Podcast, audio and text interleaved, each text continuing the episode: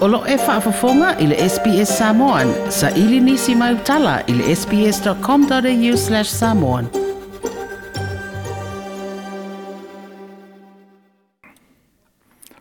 The 2020 celebration of Lunar New Year, Saturday the 25th of January, marks the beginning of the Year of the Rat, the first animal in the 12 year cycle of the Chinese zodiac.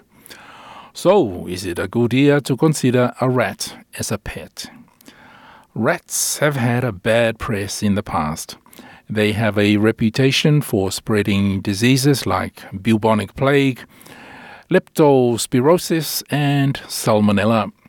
That's a challenge for even the best public relations experts. But there's another side to rats. Writer and rat breeder Marty Leimbach says there's a lot to be said for a rat as a pet.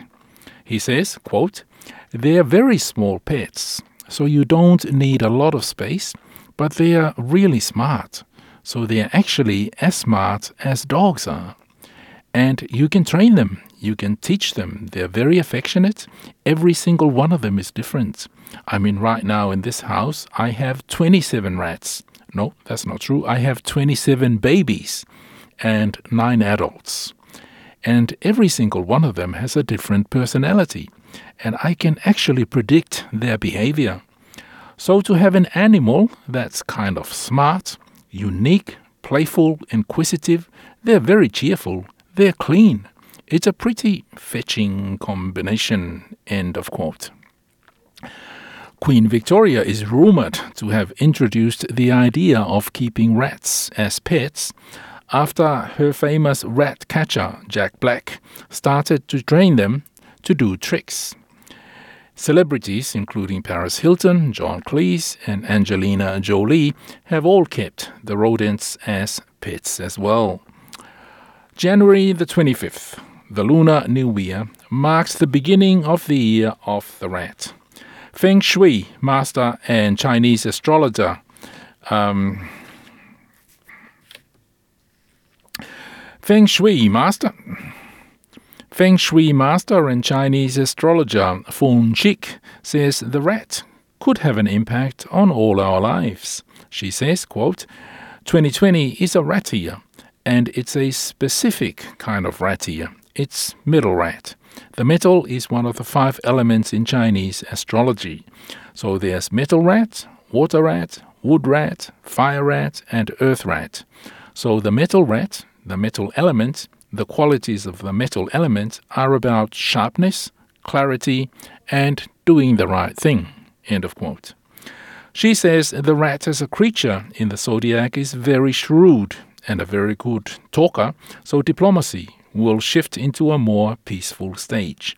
The metal is about thinking logically, and 2020 could be a year for love. The rat, she says, is what's called a romance creature in Chinese astrology. So when it's a year for a romance creature, they can be a time when love is in the air, lots of romance, but also the rat can bring about some sex scandals. Martin Leinbach says genetically, rats are pretty standard, but there are a number of physical variants which will appeal to different people. And pet rats have as little in common with their wild relatives as the average family dog does with his cousin the wolf. The Australian Rat Fanciers Society puts the price of adopting a desexed male rat at 60 Australian dollars. RSPCA New South Wales says rats make excellent little pets and are very popular with children.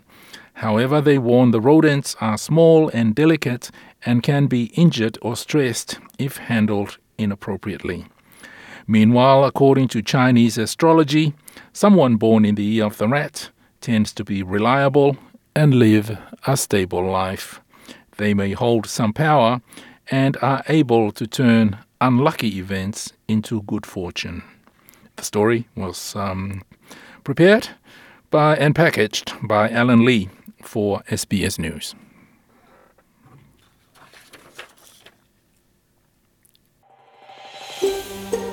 Toi fia whaafafonga i nisi tala whaapea?